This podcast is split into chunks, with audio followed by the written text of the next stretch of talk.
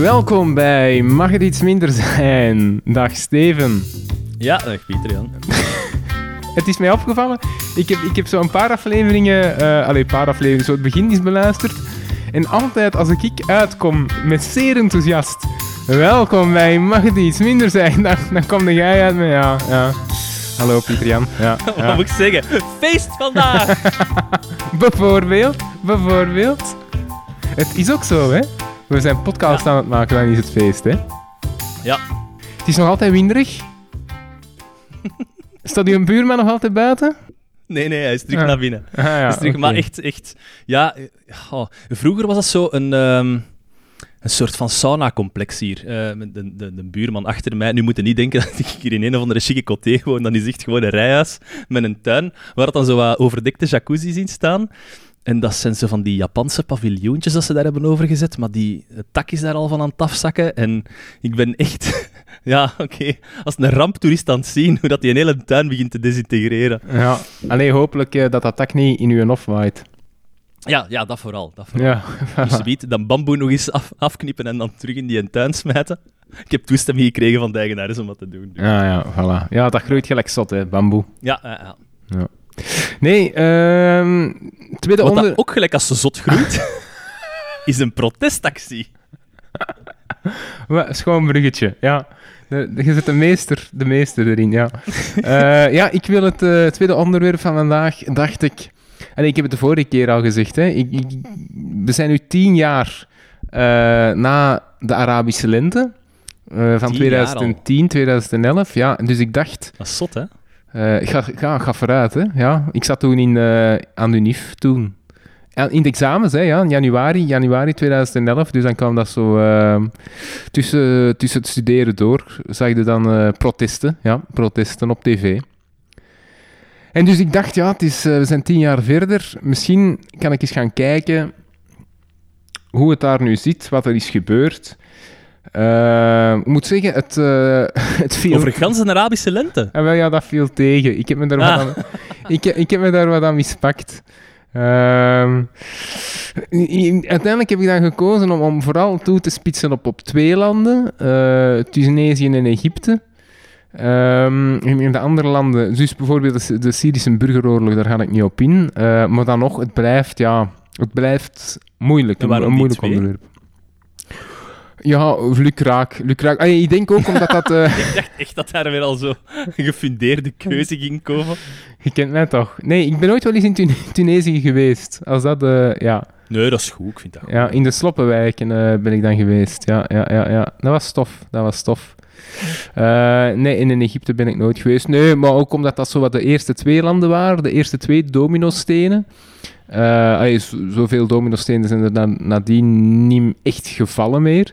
Eh, maar ja, de burgeroorlog en zo is hè, daarna nog wel uitgebroken in Syrië. Maar dus ik dacht, ja, ik kijk, ehm, ik kijk naar, eh, naar, naar Tunesië en Egypte. Dat zijn toch de landen van de zelfverbrandingen, hè? Ja, voilà, ja.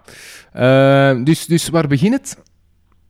In ehm, december, december 2010, in Tunesië, in eh, het stadje Sidi Bouzid. Daar zijn we. Mhm. Stadje in eh, het binnenland, het binnenland van Tunesië. Ik ga er elke zomer naartoe. Ja, ja. Als je niet in de Alpen zit, zit in eh, Sidi Bouzid. Exact. En ehm, daar had je een, een, een, ja, een jonge man, Mohamed Bouazizi. En die had daar een groenten- en fruitkraam op, eh, op de markt.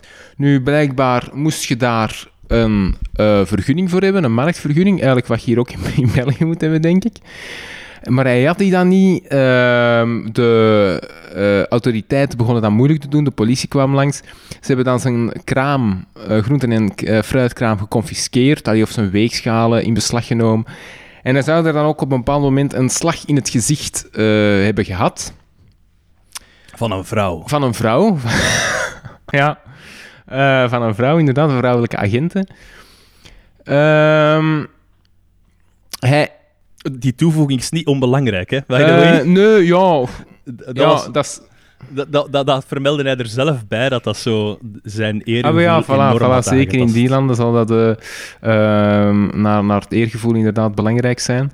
Hij is dan naar een regeringsgebouw gegaan, eh, als ik me niet vergis, of het politiecommissariaat, om eh, zijn uitleg te doen. Hè, zeggen dat hem dat niet vond kunnen.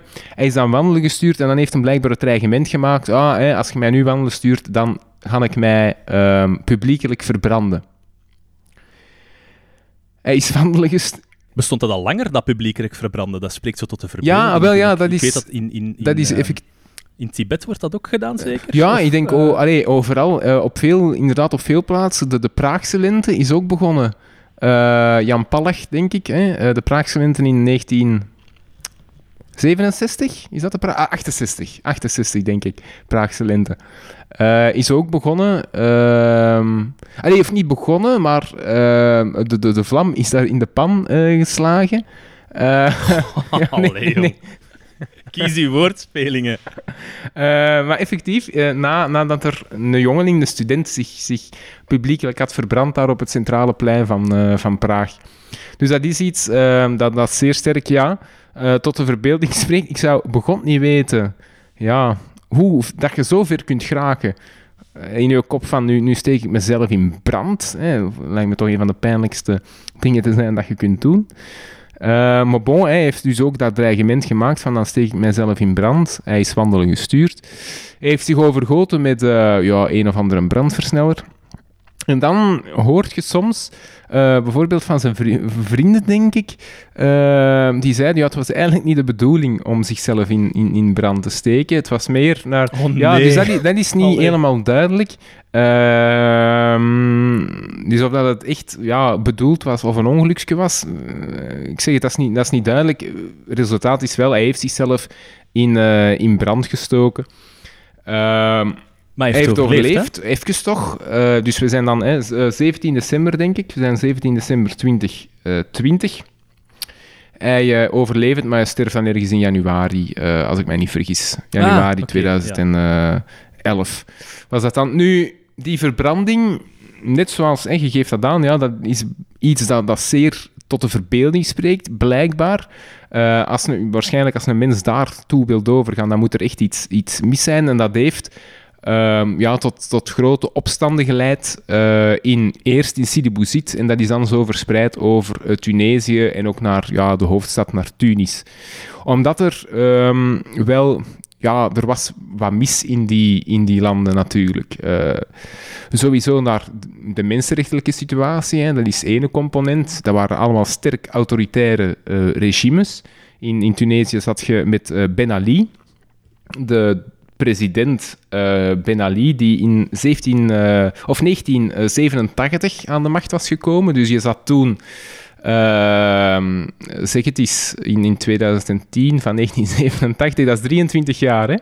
Klopt, hè? Eh, dus ja, je zat toen... ja. Ja, maar Mubarak had ik gezien, die zat ook Voilà, al 30 die zat al een 30 jaar. aan de- Dus hè, dat was ook een... een, een, ehm, hetzelfde zag je terugkomen in verschillende landen. Ook, ook Gaddafi, denk ik, al 30 jaar aan de macht. Eh, Bashar al-Assad eh, in Syrië eh, van 2000, denk ik. Dus die was toen een 10 jaar aan de macht. Zal nu ook eh 20 jaar aan de macht zijn. Dus allee, dat was een constante in, in die regio. Hè, gebrek aan, ehm, aan democratie. Al is de vraag of dat, dat echt Hoe is dat dan? S- Ja. Sorry, ja, ja, sorry. Je ging het net Nee, nee, zeggen. maar ja, dan is de vraag of dat, dat iets... ehm, of dat dat echt de, de oorzaak was van, van de protesten, dat gebrek aan Ah, nee. democratie. Ik wou vragen hoe dat, dat- hoe dat, dat komt. Is dat dan gewoon ehm, eh, ja, stemvervalsing? Of is dat eh, één partij die, alleen gelijk als eh, Mark Rutte gewijs, jarenlang aan de macht blijft? Eh, ja, ik denk eh, een combinatie van verschillende factoren. Denk ik één partijstaten. Eh, want ik, ik denk dat er wel verkiezingen waren, maar ja, dat dat ehm, showprocessen of showverkiezingen eh, waren. Hè. Dat er, allee, als, van het moment dat er, neem ik aan, één, één valabele tegenkandidaat was, dat is nu hetzelfde wat je nu terugziet in Egypte bijvoorbeeld. En als er echt, eh, of in Rusland, whatever, eh, als, als er echt ehm goede tegenkandidaten op het toneel komen, ja, dan zorgt men ervoor dat die ergens verdwijnen. Het zij worden vermoord, het zij achter de tralies Ah, ja, ja. Ehm, dus ja, er was natuurlijk ergens een lippendienst ehm, die bewezen werd aan de democratie. Er waren soms wel verkiezingen. In sommige, ik weet nu niet of dat, voor alle staten het geval was, maar er waren hè, dus wel verkiezingen. Maar ja, die waren... eh, op voorhand kon je natuurlijk weten ehm, wie, wie dat daar ging winnen. Ehm, dus eh, ja, in, in, in Tunesië begint dat protest. Dus daar lag van alles aan de basis. Eh, ik zeg het al, hè, dus dat waren autoritaire, zeer sterk autoritaire regimes. Een gebrek aan eh, echte democratie. Maar het voornaamste, en dat is natuurlijk altijd het, het geval, was de economische eh, situatie. ehm, die, die eh, slecht was. En, eh, en dat is heel vaak de motor. En, en als ik het goed heb ge- opgevangen, was dat ook dit keer gezondheid. Was dat ook dit keer de motor? Dank u, dank. Ehm, jongeren, heel veel jongeren. Dus een bepaalde demografische Ah, ja. situatie hebben dat er zich heel veel jongeren, ehm, eh, heel veel jongeren zijn die werkloos zijn door de economische situatie. En die beginnen natuurlijk zich dan af te zetten tegen het, eh, tegen het regime, tegen de corruptie die er, eh, die er bestaat, tegen ja, ehm, de bureaucratie. Ehm, ik denk een vooruitgangsoptimisme dat er dan ook is bij die jongeren van we moeten nu vooruit en, en, en zich afzetten tegen het, tegen het vroegere regime. Ehm, dat, ja, dat is ergens de motor geweest. Al die jongeren eh, die, die geen werk vonden en die, vooral zij zijn op straat gekomen. Natuurlijk, er zijn tal van factoren hè, die daar aan de basis liggen van, van die protesten. Maar eh, de jongeren waren toch een belangrijke, eh, belangrijke drijfveer. En ehm, voor Tunesië, specifiek voor Tunesië misschien nog, eh, belangrijk dat in november van eh, 2010, dus we spreken een maand voor, eh, voordat Mohamed zich in brand had gestoken, eh, voor eigenlijk de vonk, een maand eerder, waren er ook Wikileaks on, eh, ontdekkingen, ontdekkingen of eh, onthullingen gedaan.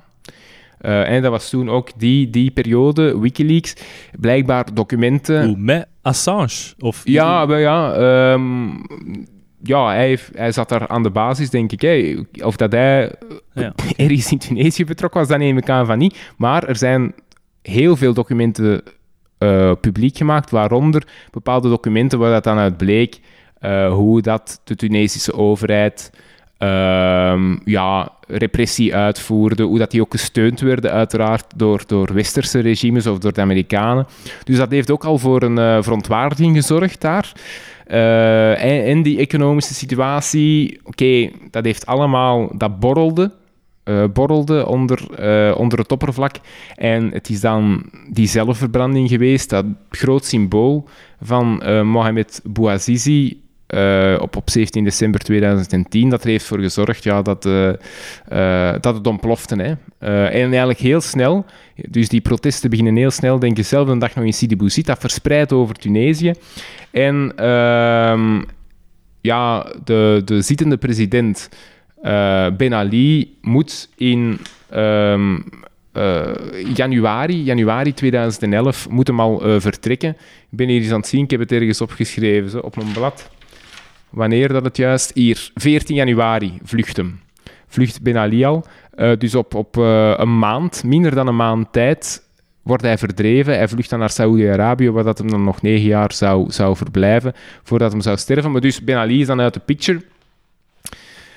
Ehm, en die, die revolutie die verspreidt zich ja, ook over andere landen. Hè, heel, snel, eh, heel snel ook naar Egypte toe. In Egypte beginnen de protesten. Ehm, ik denk ook ergens in, in december of begin januari. Ehm, en zou op 11 eh, februari, 11 februari 2011, zou Mubarak, eh, de president daar, ook vertrekken. Hetzelfde, allee, die, die verspreiden zich heel snel, die, die protesten, ook in Libië, eh, in 15, janu- 15 februari 2011. En dus dan zijn we een paar maanden later, begint Benghazi te, te rebelleren. In Syrië eh, is het 26 januari. Allee, dus allemaal in januari, één voor één, beginnen die staten, ehm, barst daar een, een protest uit. En, en dat succes waarom dat zo snel gaat, heeft sociale media daar iets mee te maken? Ja, wel, ik denk dat dat wel een belangrijke factor is hier.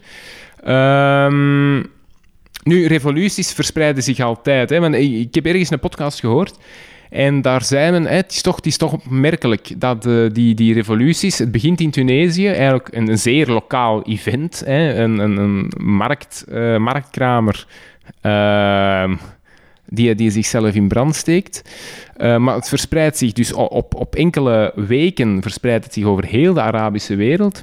Dat is toch opmerkelijk, maar eigenlijk, ik denk, revoluties verspreiden zich altijd. Uh, ik, ik, denk dat in, in, 1989 zag je dat, of in, in het einde van de jaren 80 van de vorige eeuw.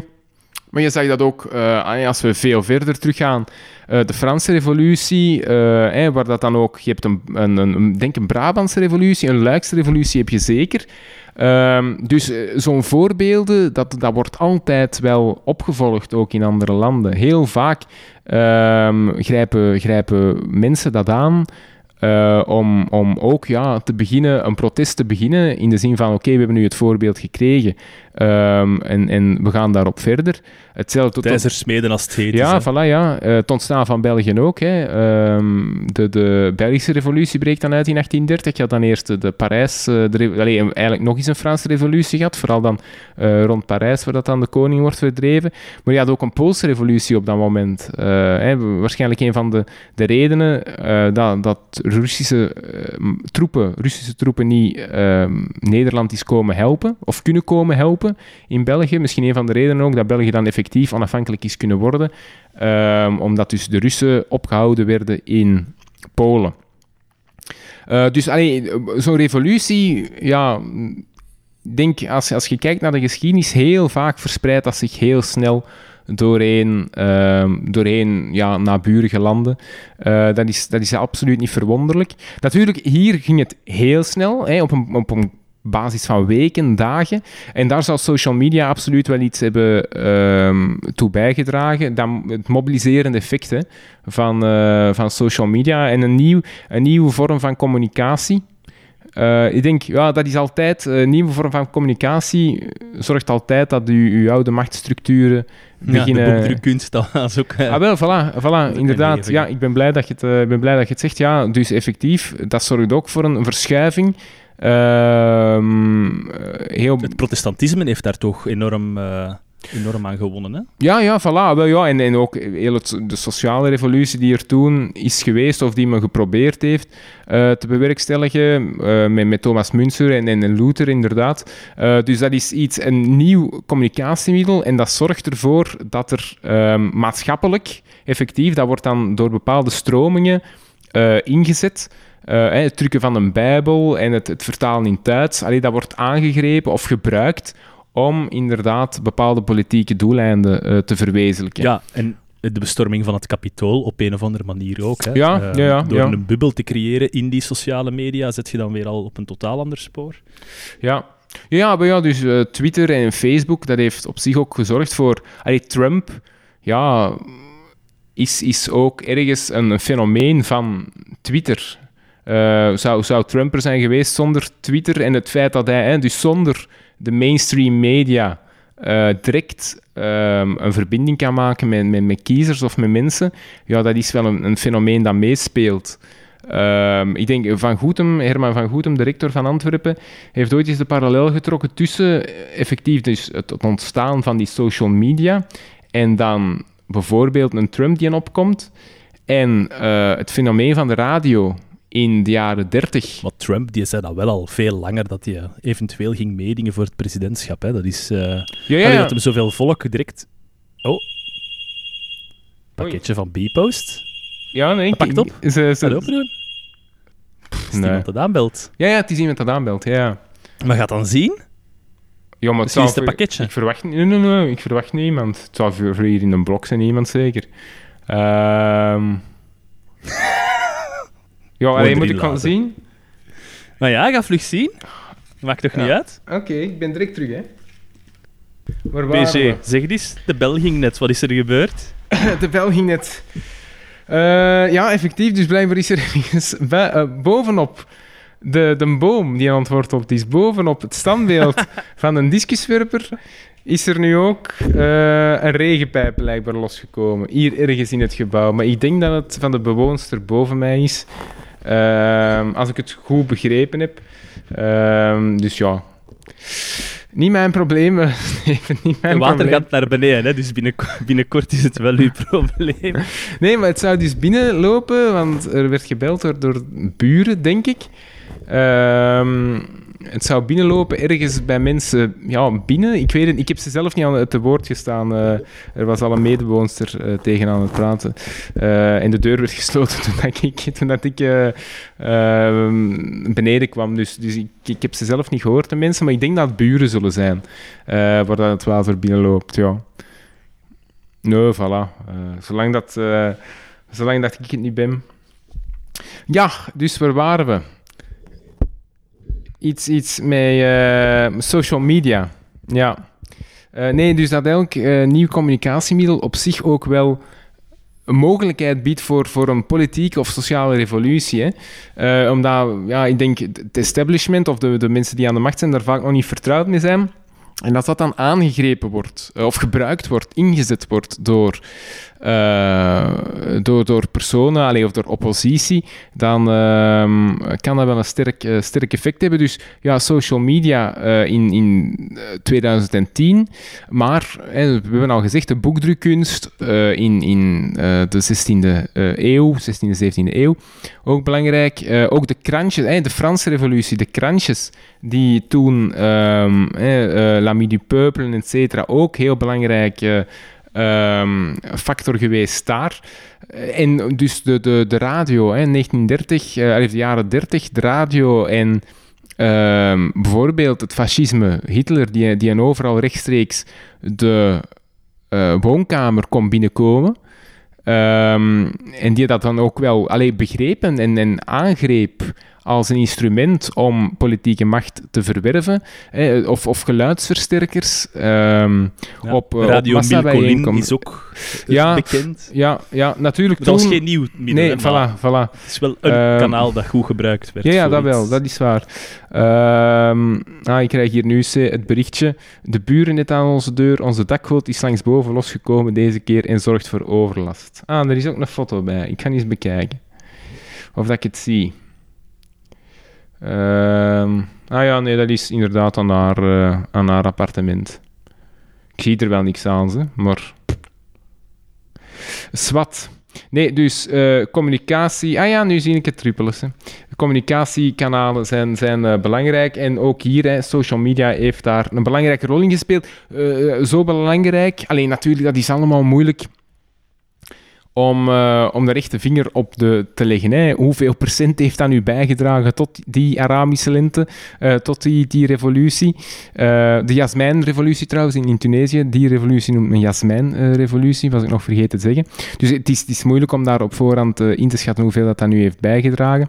Maar het is zo dat men die revoluties gaan betitelen is ook als de Facebook Revolution of de Twitter Ah, ja. Revolt of zoiets. Dus dat zijn ook namen die daar wel aan worden eh, gegeven. Dus de Jasmijn-revolutie bijvoorbeeld wordt ook, eh, is ook bekend als de Facebook, eh, Facebook-revolutie. Jasmijn trouwens, weet je waar dat vandaan komt, de Jasmijn-revolutie? Nee. Dat was de nationale bloem van Tunesië, jasmijn. Ja, Ja. Het is niet zo speciaal. Ehm, nee, dus eh, Tunesië, hè, de, de president moet daar heel snel eh, het veld ruimen. Ehm, Egypte, misschien dan hè, even kort naar Egypte. Hetzelfde, eh, de, de, de revoltes beginnen daar ook. 18 dagen heeft het daar maar geduurd. Dus 18 dagen van protesten. En hè, ik heb misschien er juist al gezegd, eh 11 februari, dus 2011, ehm, stapt Mubarak op. En Mubarak was de president uiteraard van Egypte, was ook al 30 jaar aan de macht. Ehm, Egypte had ook een traditie van ja, sterke mannen. Je had eerst eh, Nasser, eh, Sadat en dan eh, Mubarak van, van in de jaren 80 was hij al president. Ja. Ehm, dus die, eh, die wordt ook verdreven. Die zou trouwens, van 1981 was hij, eh, was hij president. Die zou, waren plannen dat hij zou worden opgevolgd door zijn zoon, eh, Gamal Mubarak. Maar dat is dus ook niet doorgegaan. Ehm, dus ook daar, hij Mubarak is, is, is moeten vertrekken. En hetzelfde zie je ja, bijvoorbeeld in Libië. Eh, waar dat eh, Gaddafi dan ja, vermoord wordt, op een, allee, vermoord, ja, terechtgesteld wordt, publiek terechtgesteld wordt, vermoord wordt op een bepaald geval. Dus al die, of die drie regimes, ehm, die vallen wel. Andere regimes, in andere landen krijg je wel revoltes, maar ehm, verandert er op zich niks. Oké, in Syrië zit je nog altijd met een burgeroorlog. Hè. Nu ongeveer al uh, ja, bijna al tien jaar. Ongelooflijk hoe lang dat, dat duurt. Uh, je hebt protest, uh, protesten gehad in Bahrein. Ehm, je hebt ehm, in Jemen heb je ook protesten gehad. Ook daar trouwens is Saleh is, uh, is, is vertrokken. De president daar is uiteindelijk ook vertrokken. Pas in 2013, denk ik, of 2012. Dat heeft iets langer geduurd, maar is uiteindelijk ook vertrokken. Um, dus heel veel van die... Ja, ik wou, ik wou vragen, zo'n president vertrekt, wat dan? Wat, wat ah, is ja, dan dus de situatie? Dan, dan is de vraag... Is dat het leger dat... Uh, of, of is het dat, leger dat, dat zegt, je moet vertrekken? Of uh, hoe zit dat? Want het volk vraagt om te vertrekken, maar oftewel beslist dan het leger, vermoed ik, in een soort van coup.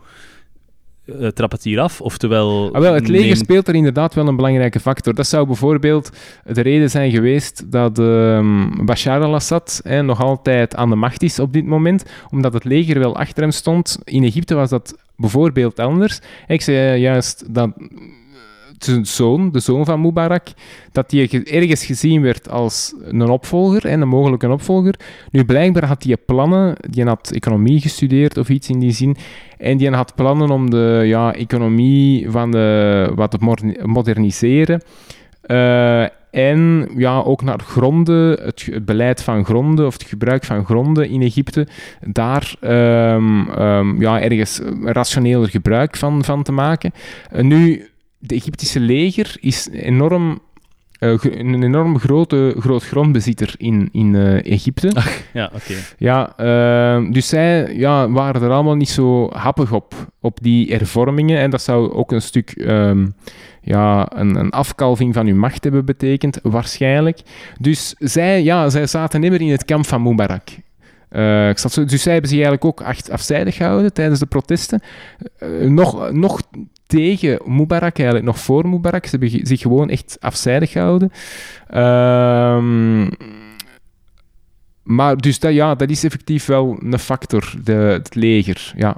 Uh, Oké, okay. en als zo'n president dan opstapt, wie komt er dan in de plaats? Uh, ja, wel, is dat meteen iemand anders of een interim-regering? Uh, ah, wel, dat verschilt van, van, van land tot land. Ja, meestal is er wel inderdaad iets interim-achtig. Um, aan, aan de hand, maar probeert men dan naar een democratie toe te werken. Hè?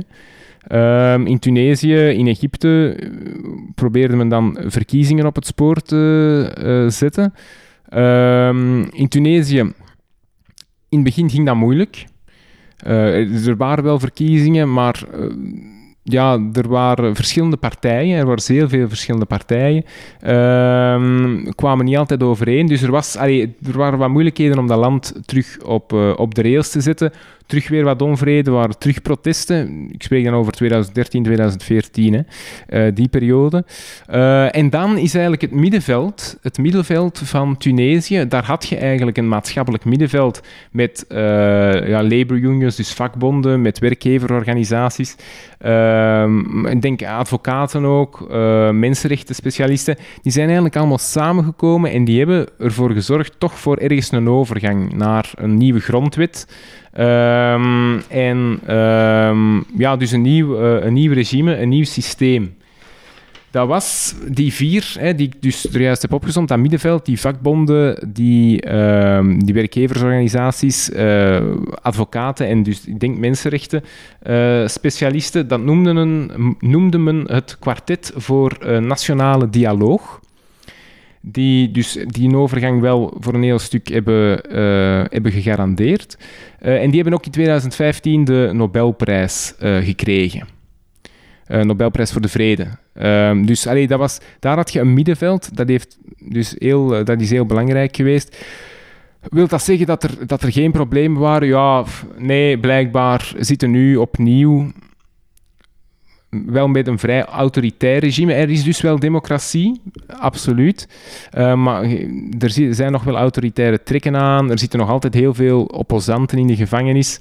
Uh, ja, ook de economische situatie op dit moment in Tunesië is, ehm, is, is, is niet optimaal. Eh, sorry, ja, de economische situatie in Tunesië is niet optimaal. Ah, wel, mijn, mijn vraag, want je zegt, het is op dit, de situatie is op dit moment, dus uh, postrevolutie, nog altijd een klein beetje hetzelfde als ervoor. Mijn vraag is, hoe, hoe komt dat dat dat zo is en dat de onderliggende omstandigheden dan niet veranderd zijn? Of is dat omdat de, de, de, de klik van de machthebbers niet veranderd zijn, dat het nog altijd dezelfde zijn, maar dat er gewoon een nieuwe pion naar voren wordt geschoven? Uh, trouwens, concreet, blijkbaar 50% van de Tunesiërs zegt, uh, of is van oordeel, dat ze er vandaag slechter aan toe zijn dan, ah, wel, ja, ja. dan toen. Ja. ja, je hebt natuurlijk altijd wel een zekere continuïteit en, en oude, oudere machthebbers die, die daar ook zitten. Ja, um, dat, dat wel. Goh, ik denk dat het gewoon ja, zo'n transitie naar, naar echt democratie, naar iets, iets wat wij meer kennen. Ik denk dat, denk, ja, dat is niet zo simpel, lijkt, uh, lijkt mij. Ook omdat je in de jaren voorafgaand, dus wanneer dat er dan sprake was van een dictatuur, uh, dat was een, een quote in, in een van die uh, podcasts, denk ik. een dictatuur vernietigt zijn eigen alternatieven dus zorg ervoor dat in die 30 jaar of in die 20 jaar voorafgaand, ehm, ja en langer, hè, want oké, de, de, de, voorgangers van die uh, personen die we nu hebben opgenoemd, uh, dat, uh, dat waren natuurlijk ook vaak dictators. Dus je hebt daar nooit een, een voedingsbodem kunnen hebben onderliggend voor, voor democratie. Ehm, dus dat is denk ik niet zo evident om dan daar uh, vanuit het niets een democratie te starten. Nu in Tunesië had je wel hè, blijkbaar een middenveld. Uh, middenveldsorganisaties, wat ergens ja, wel voor een overgang kan zorgen, alleen voor een nationale dialoog kan bewerkstelligen. In uh, Egypte had je dat bijvoorbeeld veel minder. Had je één middenveldorganisatie, een belangrijke, en dat, waren, uh, dat was het, de moslimbroederschap. Hè, dat waren uh, mensen die vaak ook aan ja, sociale bijstand of sociale uh, projecten uh, deden, dat moslim, uh, moslimbroederschap. Ehm, dus dat was iets, een structuur die al bestond voor, voor de revolutie. Reden ook dat zij um, de president hebben kunnen afleveren in de verkiezingen na de, de revolutie. Ja, okay. dus die structuur bestond al, maar ja, om, om dus... Het is goh, makkelijk Um, om, om te zeggen waar dat je niet voor bent, om iemand, ergens een nationale coalitie te, te vormen tegen een persoon of tegen een dictator. Allee, uiteraard is dat niet makkelijk, want er is veel repressie en, en er is gevaar voor je leven, dus dat is niet gemakkelijk. Maar het, hetgeen dat erop volgt, is natuurlijk nog veel moeilijker. In de zin van, oké, en wat willen we nu? Wat, wat creëren we nu? En een democratie from scratch um, uh, op, opmaken, allee, of ja... Um, uh, instellen, een democratie, ja, dat is gewoon, lijkt mij, um, lijkt mij niet simpel. Nee, daarom dat de Verenigde Staten altijd even moet komen helpen. ja. Ja, effectief. Nee, het is gewoon ja, zo'n nationale dialoog en iedereen die met iedereen wil praten. Uiteindelijk, dat, zou het, dat zal het moeten zijn. Hè. Uh, ik denk dat er weinig alternatief is, maar dat is heel moeilijk om te creëren. Nu in Tunesië had je dan hè, sowieso al het bestaande middenveld. Ook educatie hè, was daar eigenlijk zeker niet slecht. Onderwijs was daar zeker niet slecht. Ehm, dat was ook iets waar dat de, ja, de leiders of de dictators van Tunesië echt op inzetten. Uh, en de allereerste, de allereerste president van, uh, van Tunesië, die, een, uh, die had daar sterk op ingezet. Ik ben hier zijn naam aan het zoeken, Habib Bourguiba als het u iets zegt. Uh, die, die vond dat heel belangrijk. Dus er was, ik zal niet zeggen een alternatief, maar er kon al iets groeien voorheen.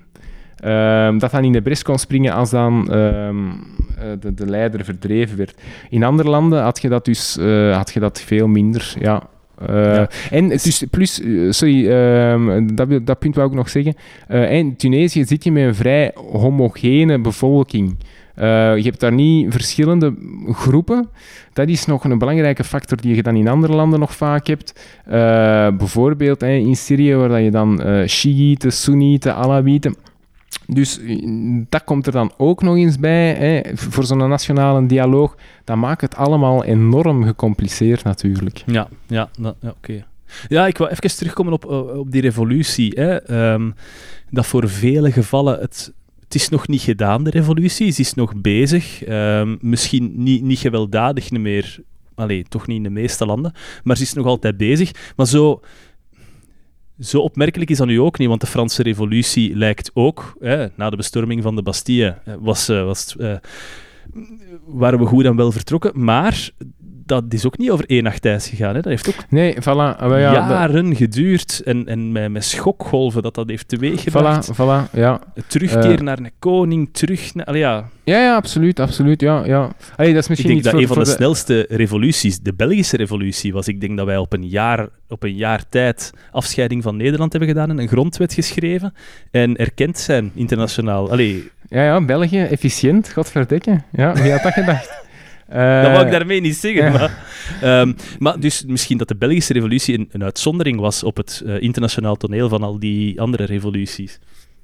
Ja, maar ja, het was natuurlijk Belgische Als het gewoon gaat over u afscheiden, als dat uw doel is, ja, dat is natuurlijk niet zo moeilijk, lijkt mij. Dat is meer uh, wat, praktische, uh, wat praktische rommel, wat grenzen trekken op een kaart. maar als het een, een, een, socia ja, als het Buitenlandse sociale... mogendheden buiten houden. Ja, ja, ja oké, okay, natuurlijk. Dat is misschien militair allemaal niet, niet evident. Ik denk dat België een chance had door de internationale context. Ja, door voilà. ja, ja, niemand absoluut. zijn handen eraan wou verbranden. Ja. Absoluut. Maar dus in België, de, de, sociale revolutie is er op dat moment niet geweest. Hè. En de democratische revolutie, ja, maar ook niet spectaculair. Hè. Men had toen een ik denk wat men toen in België heeft ingevoerd, en, en ik, weet het niet, uh, niet zeker, misschien, dan moeten we misschien aftoetsen bij Christophe Maas de volgende keer. Uh, maar ik denk wat men toen heeft opgezet, dat dat niet zoveel verschilde van wat bijvoorbeeld al in de Franse Revolutie was geprobeerd. Uh, dat er wel een precedent, precedent voor was. Maar inderdaad, je zegt heel terecht, allee, dat is misschien nog meer iets voor een nabeschouwing, maar, maar heel terecht, de periode waarop dat wij democratisch zijn geworden. Uh, je kunt daar, allee, dat is altijd de vraag, wanneer heb je echt een democratie? Maar ik denk, minstens, minstens moeten toch vrouwen stemrecht hebben, denk ik. dat is pas in 1947 of 1948 ja, ja. 48 gebeurd. De Franse revolutie was 150 jaar eerder. Hè? Dus uh, dat heeft... Hadden die vrouwen stemrecht? Of wat zeg jij nu juist? Nee, nee, nee, nee, nee. Maar dus ah. dan, hè, je zou kunnen zeggen, in de Franse Revolutie, op, dat, op die moment, 1789, is het begin van de omwenteling. Zou ja, je kunnen ja, zeggen. Ja, hè? het ancien regime, het begin van, uh, van die omwenteling. Maar het duurt dus tot 19, uh, ja, ik denk 1948 zeker, tot vrouwen, uh, vrouwen ook stemrecht krijgen. En dan kun je misschien spreken van minstens op papier een volwaardige democratie na 150 jaar. En dan, oké, is het nog maar de vraag of dat, uh, of dat wij nu ja, echt in een, een gezonde democratie leven, waar dat mensen ook, allee, waar dat er een publieke discussie is.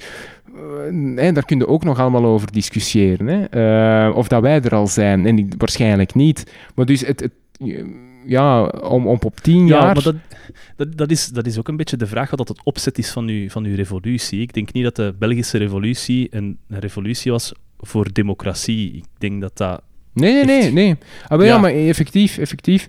Uh, maar dus ik denk dat... Uh, allee, ja, de Belgische revolutie, dat die heel snel is gegaan. Ja, maar omdat er niet zoveel moeilijkheden waren. Uh, of of, of uh, niet zoveel waarden of belangen in de weegschaal lagen die allemaal verzoend moesten worden. Het was uiteindelijk de, de burgerij, of ja, de burgerij toch een stuk die, die um, en de journalisten die, die ja, een zeker liberalisme uh, wilden. En dat is dan uitgegroeid tot een afscheiding. Maar echt een sociale revolutie was er toen niet. Van uh, ja, democratie, de roep naar democratie, in de zin van iedereen één stem, op, ja, dat, bestond, dat bestond toen niet. Uh, men heeft dan, oké, de besluitregering van, van Willem I, dat, dat heeft men terzijde geschoven. Ehm, maar uiteindelijk, het blijft ja, met een Science-kiesrecht. Ik weet niet hoeveel dat er toe mochten stemmen. Dat zal een 5% of zoiets zijn geweest, zeker. Ehm, dat blijft ja, een eliteclub. Dus die, die, die omwenteling toen was niet zo spectaculair. Toch zeker niet zoals ze nu, denk ik, in, in, in die Arabische landen zou dat moeten gebeuren. Hè. Of wat, wat wij dan zouden denken van, oké, dictator weg en nu heb je een volwaardige democratie. Ehm, dat, is, uh, dat is ver van evident. Ja, laten we dan misschien eens naar Egypte eh, gaan kijken. Um, we hebben er juist al gezegd dat het um, overwaaide naar Egypte, dat Mubarak is um, opgestapt naar, naar, naar protesten. Je weet, de protesten op het Tahrirplein, ik denk dat dat het meest mediagenieken is dat we van die Arabische lenten hebben gekend. Ik denk dat er op een bepaald moment een miljoen mensen of zo op dat plein stonden. Tahrir trouwens betekent be bevrijding. Ja. Oké. Ja, nomen is tomen.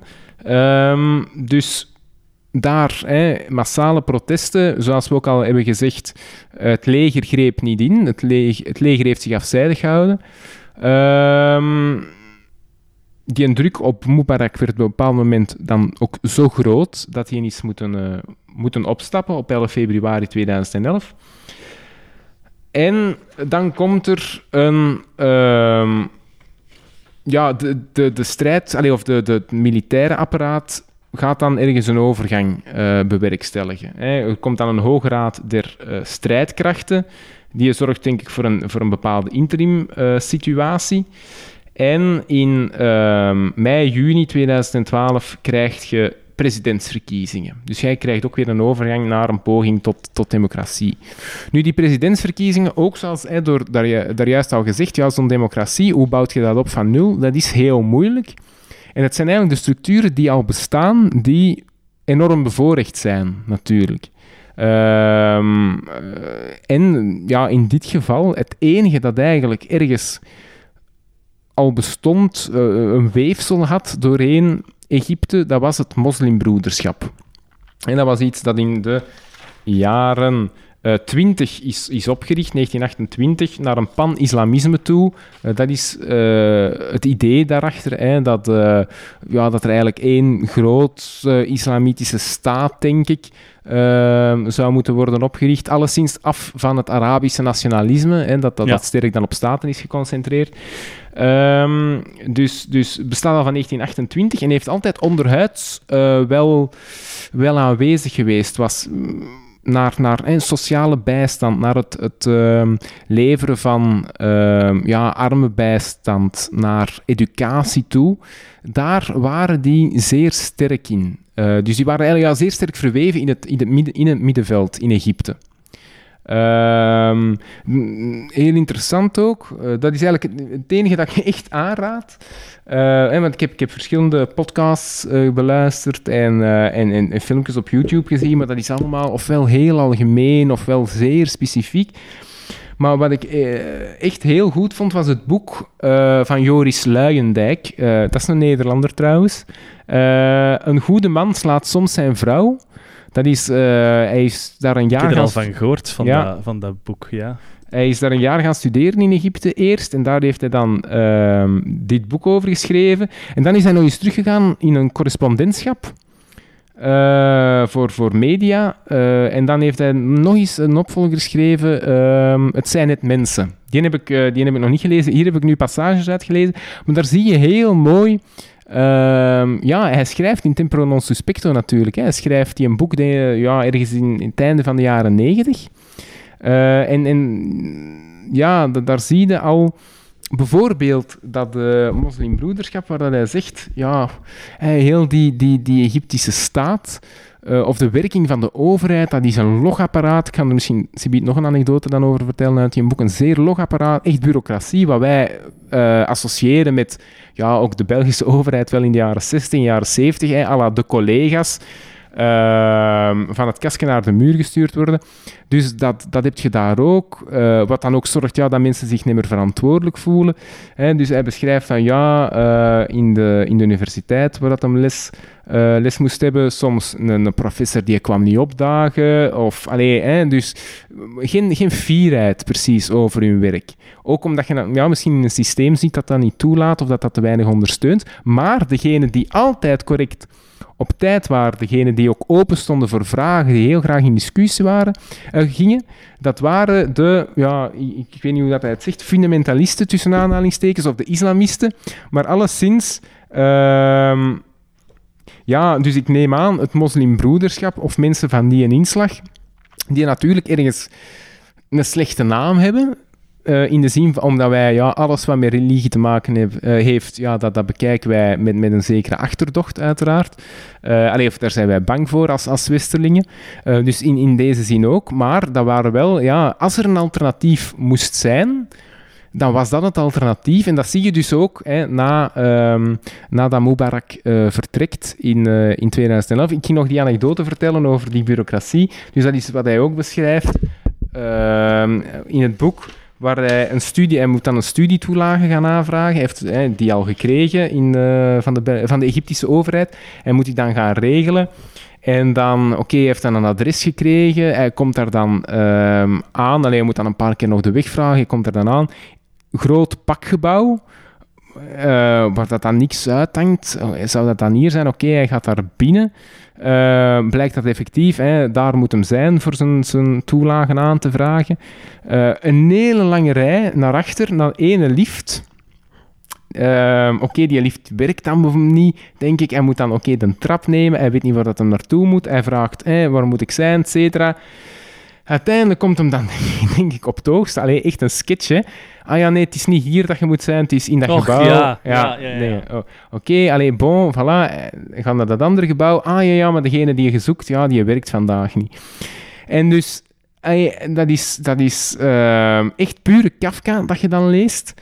En eigenlijk, als je de persoon kende, hè, als je, ah ja, bevriend waart met, of et cetera, eh, of ik heb je vader nog gekend, of ik heb nog gestudeerd Dat was met, geregeld, personen, ja. Voilà, dan was, het, dan was dat op vijf minuten geregeld. En anders waren jij uren, dagen, maanden, eh, echt zonder zever, ehm, ja, moesten, moesten dingen regelen. Eh, ook, En, en, ik- en als, als voorbeeld van wat geeft je dat aan? Net van die sterke verankering van, die, eh, van dat moslimbroederschap in, eh Nee, in de dus dan meer van, van wat er problematisch was. Ja, Ja, ja. ik, ik spring je van de nak op de tak hoor. Nee, Eh, is omdat goed, ik, is het, goed. omdat ik, eh, ik, heb, ik heb er geen eh, lijn in gestoken in, in wat ik heb opgezocht.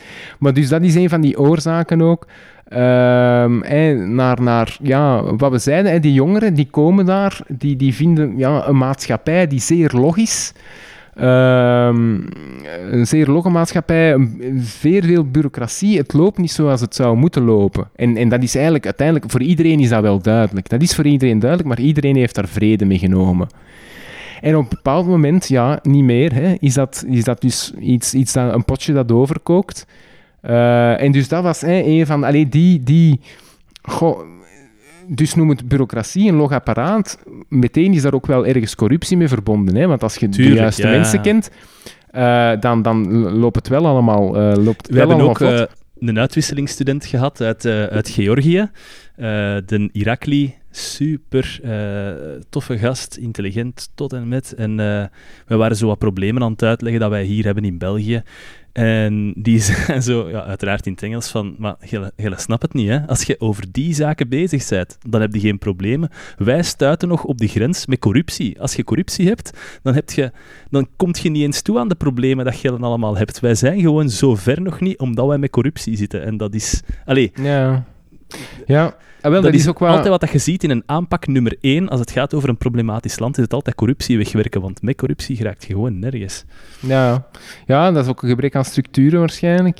Ah, wel, maar dat is wat ook Joris Luijendijk dan in de podcast aangeeft, eh, van 10 jaar Arabische lente. Eh, die eerste aflevering, dan, is, dan spreekt hij, Joris Luijendijk, ook een heel interessante aflevering.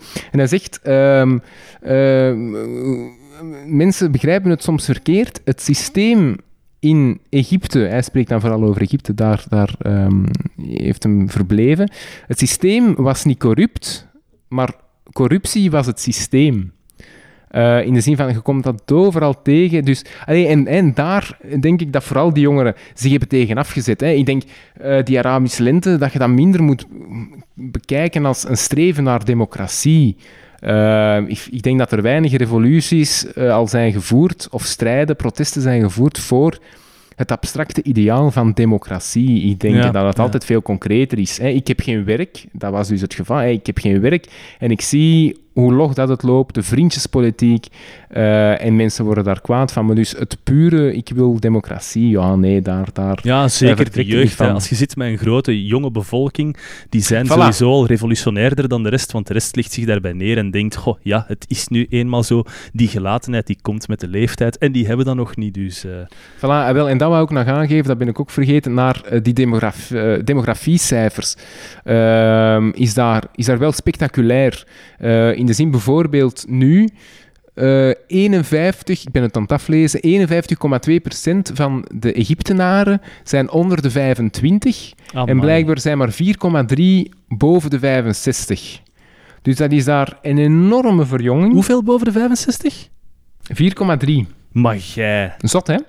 Ja, ja, en hij zegt dat ook, die Joris, wederom die Joris Luijendijk, echt, mm, ik vind een goed boek.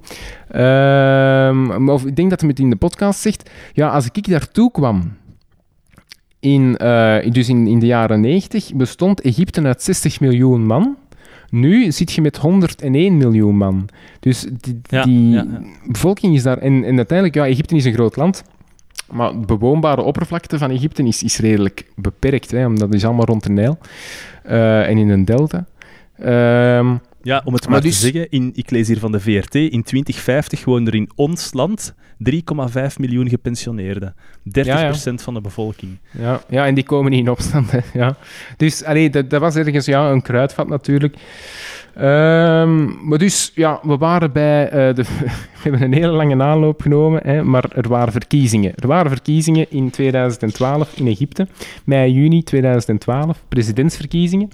En Morsi, uh, dus een moslimbroeder, Morsi is daar uh, aan de macht gekomen als president. Nu, die is maar een jaar aan de macht geweest. En die heeft um, ja, ook wel wat geprobeerd in dat jaar de macht naar zich toe te trekken hoor. Dus ook wederom, ja, denk ik, eh, je hebt geen gezonde democratie. Hè? En, en, en de, de nieuwe machthebber, machthebbers zijn de dictators van morgen, denk ik, proberen ergens hun macht te bestendigen. Ook ja, dat was een moslimbroeder. Die moslim, het moslimbroederschap was 80 jaar hè, onderdrukt, was als een terreurorganisatie gezien. Dus vermoedelijk probeert hij uh, de macht wat te bestendigen. En uh, ja, die probeert hè, de grondwet te veranderen, te zorgen dat er geen uh, rechterlijk toezicht meer is op zijn, uh, op zijn overheidshandelen. Dus ja, er is een, een, greep naar de macht. Hij doet een greep naar de macht. En uiteraard, heel velen zijn daar niet mee akkoord. Ook het, het, leger niet. Uh, de belangrijkste machtsfactor, denk ik, in Egypte. Men, men is daar niet mee uh, akkoord. Er komen wederom nieuwe protesten in, in Egypte. En Morsi wordt afgezet. Op, en veroordeeld. Op 3 juli 2013 wordt hem afgezet en inderdaad, heel snel komt weer dan een interimregering, weer een overgang. En uh, hij wordt effectief um, wordt effectief veroordeeld, krijgt, uh, krijgt de doodstraf en er wordt heel sterke repressie gevoerd, hè, op, opnieuw op het moslimbroederschap. Op 14 augustus uh, eh, 2013, dus een maand nadat hij is afgezet, uh, Morsi, door het leger, hè, is, wordt afgezet door het leger, wordt er op een plein, er waren protesten van zijn aanhangers dan, en een heel plein wordt gewoon wegge weggevaagd. Dus er vallen honderden uh, doden, duizenden gewonden. Het plein uh, Rabba, het uh, Rabba-massacre, ja, dat, daar weten wij weinig van. Hè? Ehm, maar dus dat is blijkbaar echt een, een bloedbad geweest. ja, ik vraag me dan af, hoe komt dat wij er zo weinig van weten? Is dat, is dat misschien toch ergens omdat wij ook content waren dat Morsi weg was? weg was? Ik, ja, ik vraag me dat dan, omdat je, ja, wederom die... die een gespannen relatie die wij hebben met religie, ik denk ja, dat, wij toch zeer achterdochtig zijn. Als westerse maatschappij, hè, naar iemand die vanuit het moslimbroederschap kwam. Nu, oké, hij heeft ook geprobeerd. ehm, het, het was, geen, eh, eh, geen engeltje. Hè. Eh, hij heeft ook geprobeerd eh, een greep naar de macht te doen. Maar dus mm, die, die repressie, die absolute repressie die er nadien is geweest van het Egyptisch leger naar het moslimbroederschap toe, ehm, ik denk dat we daar weinig, eh, weinig over weten. Eh, maar dat is dus eh, effectief gebeurd. Hè. Dus na Morsi wordt verdreven, dus wederom een interimregering onder ehm, de voorzitter van het grondwettelijk hof, Mansour. En er worden nieuwe presidentsverkiezingen uitgeschreven. En de grote man daar hè, is eh, Abdel Fattah al-Sisi. Zeg, ik wil die- nog even over Rabba spreken. Ik ben dat hier aan. 900, 900 doden. Eh, het zou, ja, Of ik heb, ik hon- dat nu ik heb honderden, honderden doden opgeschreven en duizenden gewonden. Maar het zou kunnen, het zou kunnen. Dat, allee, jong, dat kan toch niet? Wat is... Ja, sorry, sorry, ik was even afgeleid. Nee, nee, maar dat is inderdaad zot, hè. Ja. Dus, dus dat is echt een... ehm, ja, iets dat... Ik, ik had dat wel eens horen passeren ergens, maar ook al jaren later. Dus ik zal zeggen in 2015 of zoiets, had ik dat dan wel al eens zien passeren van wat er toen gebeurd is. Hoe Eh, maar ik denk ook? op Hoe- die moment... Hoe dood je 900 man op één dag? ja, ik denk dat dat niet zo moeilijk is. Die, maar die loopt... Ja, ja. die lopen toch weg? Ik weet dat niet. Allee. Ja, maar op een plein en ja, als er, als er inderdaad duizenden mensen staan, ja, waar loopt er naartoe, hè? En Je zit gevangen, hè? more than 1000 people. Oké, goed. Jesus, ja, dus, sorry, ehm, sorry. Nee, nee Ja. maar inderdaad, om maar te zeggen, ja, die Sisi is ook niet de meest gezellige. Hè? Dus dat was toen eh, een van de legerleiders al, eh, heeft zich dan kandidaat gesteld voor de presidentsverkiezingen.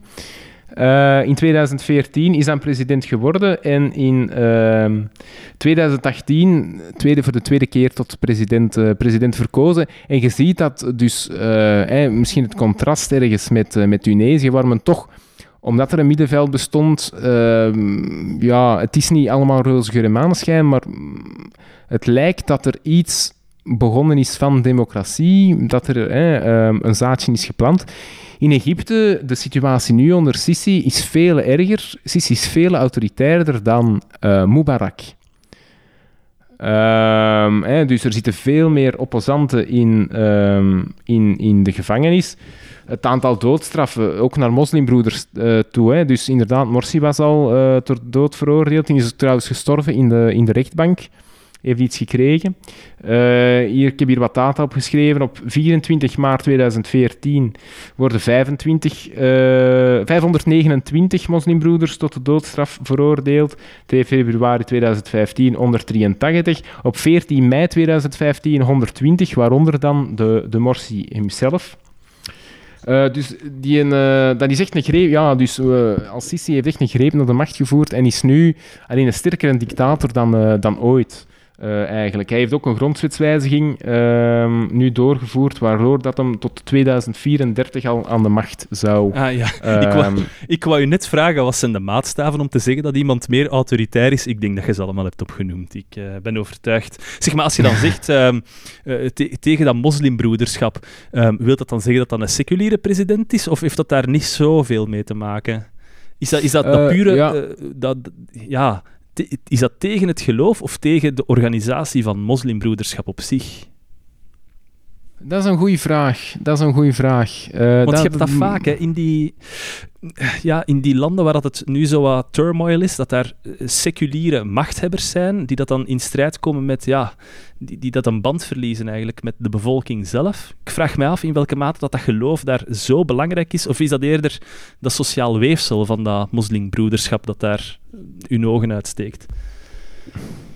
Ja, dat is een goede vraag. Dat is een goede vraag. Ja, dat, dat, wil, dat durf ik nu zelf uh, niet zeggen. Dat durf ik echt dat niet moet zeggen. ook niet, hè, maar dat was gewoon een vraag. Nee, nee, ja, maar het is, het is een, het is een goede vraag, ja.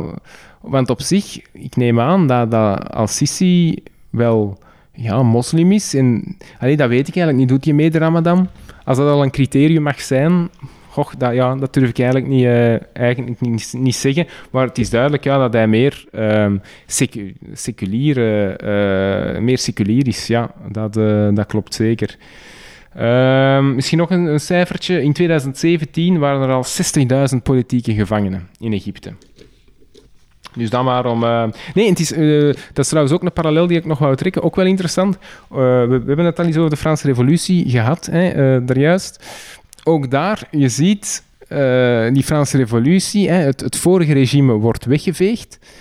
Ehm, heel snel, je krijgt dan wat, ehm, wat, wat, wat ja, beroering, verschillende overgangsjaren, waar dat dan verschillende regeringen elkaar afwisselen. En ook daar is het eh, dan uiteindelijk iemand uit, de, eh, uit- sorry, uit de, ehm, het leger is dan naar voren geschoven of naar, naar voren gekomen, terug een stabiliserende factor en heeft het daarover genomen. Napoleon. Napoleon, maar Ja. dus, dat is hier ook het geval geweest. Hè? Dus ehm, ik denk, ja, zo'n revolutie, dat is ook allemaal goed, maar op een tijd begint dat mensen ook hun, hun botten uit te hangen, die onzekerheid, Ja. die, die, eh, ik die denk dat wij als, als Belgen niet, niet gewend zijn of, of niet goed doorhebben wat voor een macht dat er eigenlijk bij het leger zit. In ehm allee, Myanmar, om maar één voorbeeld Ja, ja. te geven. Ehm, ik, vraag me af of dat, ik vraag me echt af of dat hier ook zo is. He- Hebben die echt zo'n grote macht? Ja, uiteraard, als die zeggen het is onze wil vanaf nu, dan is dat ook zo. Maar zit dat zo sterk verweven met dat staatsbestel? Dat, Ja, dat is een goede vraag. Ja, ja ik, weet, ik denk dat, dat in Egypte bijvoorbeeld dat dat echt een aparte kaste was. Eh, ja, ah ja, oké. Eh, alleen in de zin van eh, ook een aparte loyaliteit, denk ik. Ik denk hier bijvoorbeeld in België, stel dat een generaal zou zeggen: Oké, we gaan naar Brussel. Hè, het kruipt allemaal uw tanks zien, we rijden op Brussel en we nemen het daarover. En de regering zou zeggen: Gelles is zot. Allee, bedoel, hè, we, zetten die, we zetten die generaal af of wat dan ook. Zou dan het leger eh, allee, of dus de gewone militairen, zouden die dan de generaal volgen of zouden die eh, de regering volgen? Ik neem aan dat die de regering zouden volgen en niet de generaal. Denk ik, maar oké. Maar dus dat is ja, in Egypte duidelijk anders. Dat was echt een, maar ook omdat de macht van het leger daar, hè, ik zeg het, die hebben heel veel grondende, een heel sterke positie in de economie blijkbaar ook. Dus het verschilt wat van land tot land. Eh, maar, Ja, ehm, en, en in die landen, ook in eh Joegoslavië, dat we dan onlangs nog hadden besproken, eh, het leger is daar eh, sterker verweven met het politieke bestel, misschien om het zo te zeggen, omdat die ook vanuit woelige tijden kwamen. Hè? Dat, dat de Mhm. nood aan het leger groter was. Ja, ja, inderdaad. Ja, ja. Ehm, dat, eh, daar zit het er ook mee. Ja, ja, dat zal ook wel een factor, eh, een factor zijn. Ja, ik denk Nu, dat hier gewoon het leger niet, niet genoeg munitie heeft om het land over te nemen. dat zou ook kunnen. Eh, misschien nu nog wel een belangrijke factor is het Westen. De rol van het Westen. Hè, want dus wij zien zo'n Al-Sisi eh, leuk dictator spelen. eh, erger dan, dan, eh, dan ooit het geval is geweest. En eigenlijk, ja, oké, wij doen dan wel wat liependienst aan, aan democratie, aan mensenrechten. Maar ook hier zie je dan naar wapenleveringen toe, dat die nooit zijn opgehouden. Dat eh, iedereen leuk... FN. Ah, wel, dat weet ik niet. Ik denk het wel. Ik denk dat ik er eens ben tegengekomen dat ook België, maar dat, dat durf ik nu niet, niet zeggen, maar andere, hè, eh, ook bijvoorbeeld Nederland of Frankrijk. Frankrijk ehm, steunt ook heel erg eh, Sisi. Allee, of minstens ligt hem geen strobreed in de weg. Ook omdat het voor hen gewoon economisch ehm, niet rendabel zou zijn. Dus naar lever- wapenleveringen toe.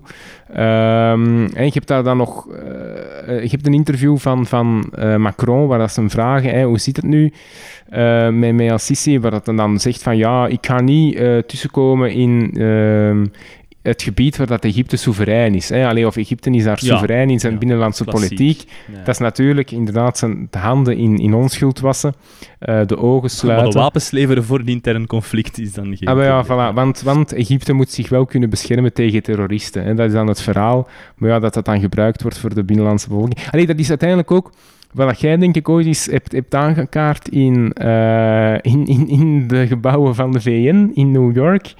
Eh, hè, er is een, een rondleiding gekregen waar dat dan, eh, ik denk het over clusterbommen ging, dat een man over clusterbommen bezig was en dat hij zei, ja, we proberen daar, eh, dat, is, dat is illegaal, denk ik, we proberen daar een halt toe te roepen. En dat jij vroeg van, maar, je weet toch waar dat die geproduceerd worden, je kunt er toch iets aan doen. Aan de, de landen die die produceren, daar kun je toch iets aan doen. Maar hier, dus hier ook, hè, die wapenleveringen, ja, dat komt wel van ergens. Hè. Als, die niet meer, als die geen wapens meer hebben, ja, verzwakte natuurlijk dat regime. Ehm, en, en toen, de VN, alleen die mens, ja, hij zweeg gewoon. Hè. Ja, Die oké. V- ja, dat bezoek aan de VN, verschillende caveats. Ten eerste was de stagiair, die in dat Nee, zijn ja, eerste is proefles is moest geven aan een hoop mensen die na kennis hadden van mensenrechten enzovoort. Ik niet hoor, maar mijn collega's. En ten tweede, die aan Tapouplein, wat was daar gebeurd, jong? Dat waren precies verschillende knife parties gehouden. Allee, zo bloedplekken overal op die Tapouplein. Echt een verlept gebouw. Echt een Ja, ja, dat is waar. afstandsgebouw. Dat is waar, ja. Ik, Dat vond dat echt teleurstellend, dat bezoek aan die VN. Heel Je, teleurstellend. zou- je zou hebben gedacht dat hij in de koninklijke schenking zat. Zo, eh, zo afstands was het. Ja. Ja? Ja? Ah, wel? Ehm, nee, ah, wel, maar dus, allee, dat is toch wel iets...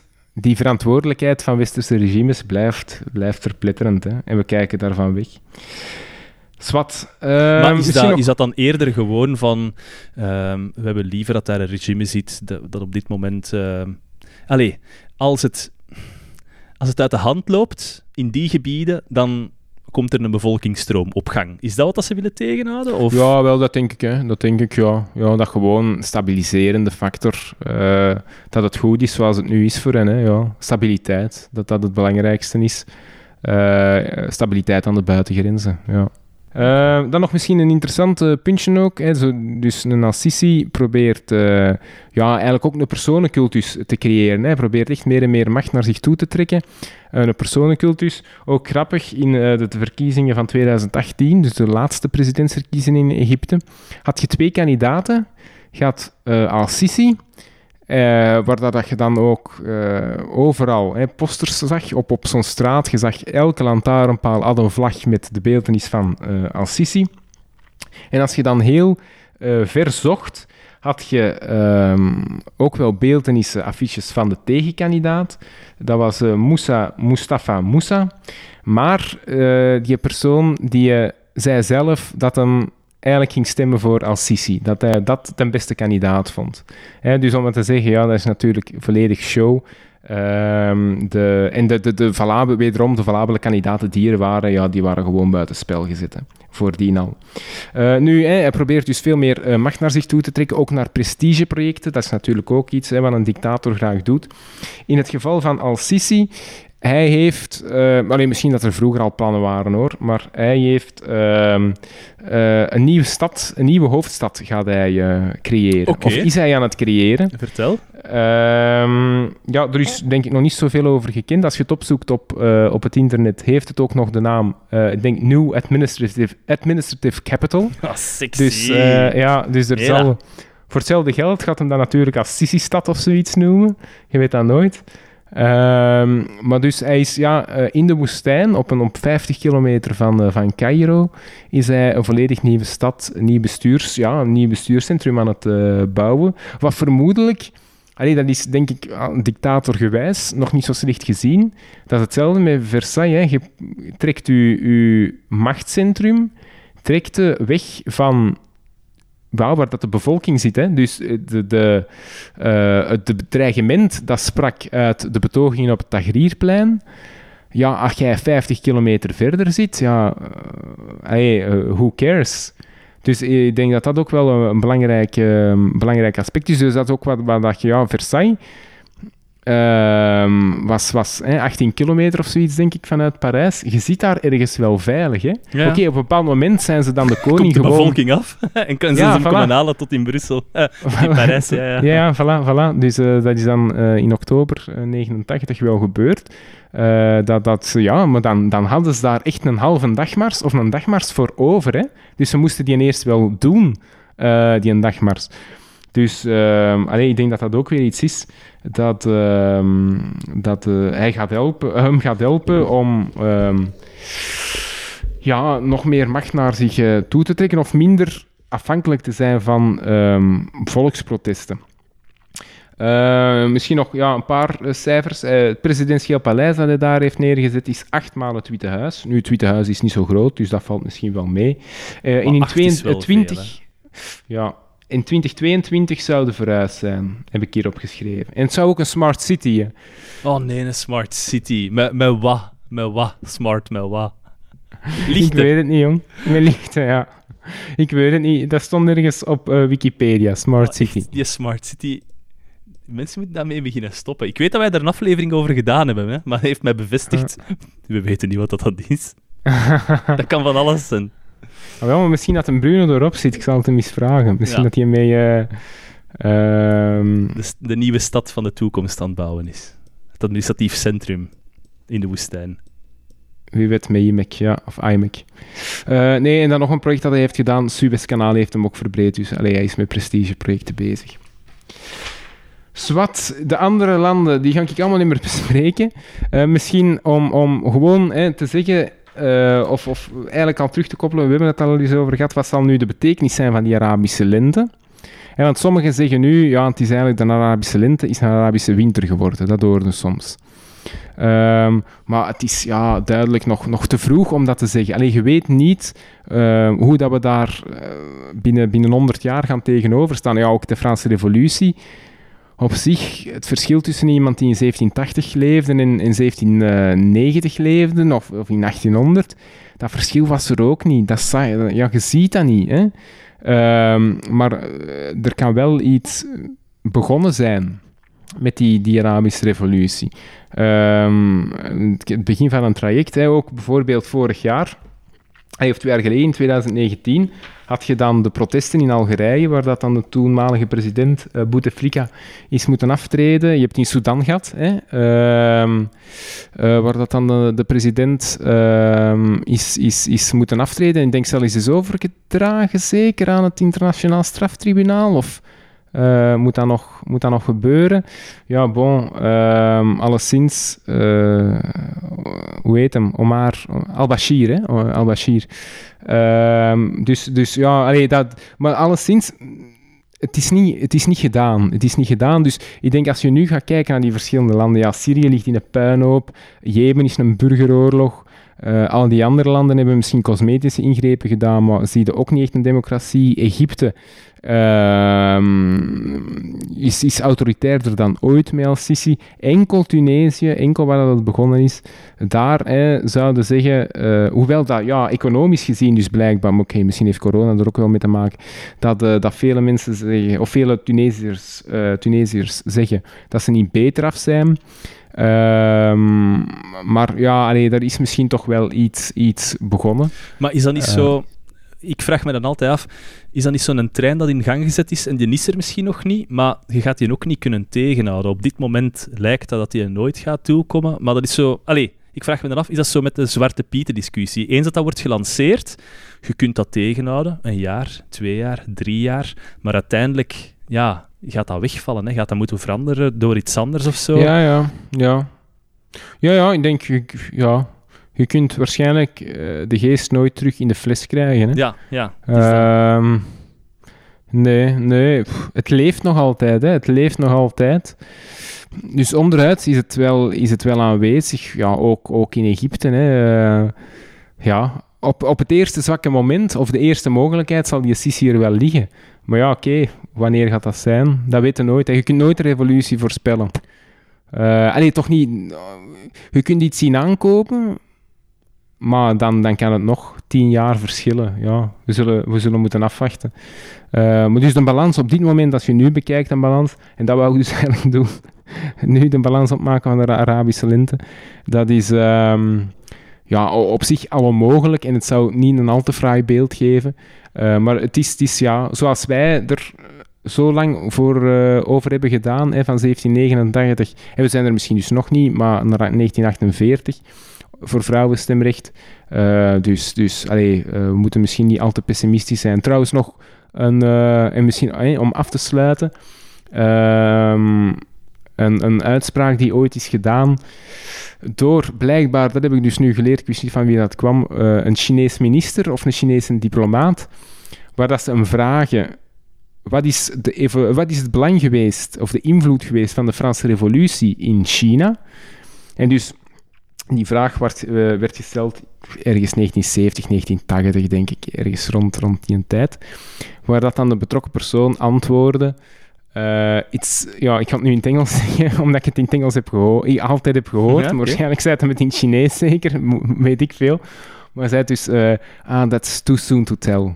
Ah, my. Ja, Diep. om, om maar... ja, mooi. Ja, maar eh, wel... Allee, en blijk- blijkbaar, dat heb ik dus nu ook geleerd.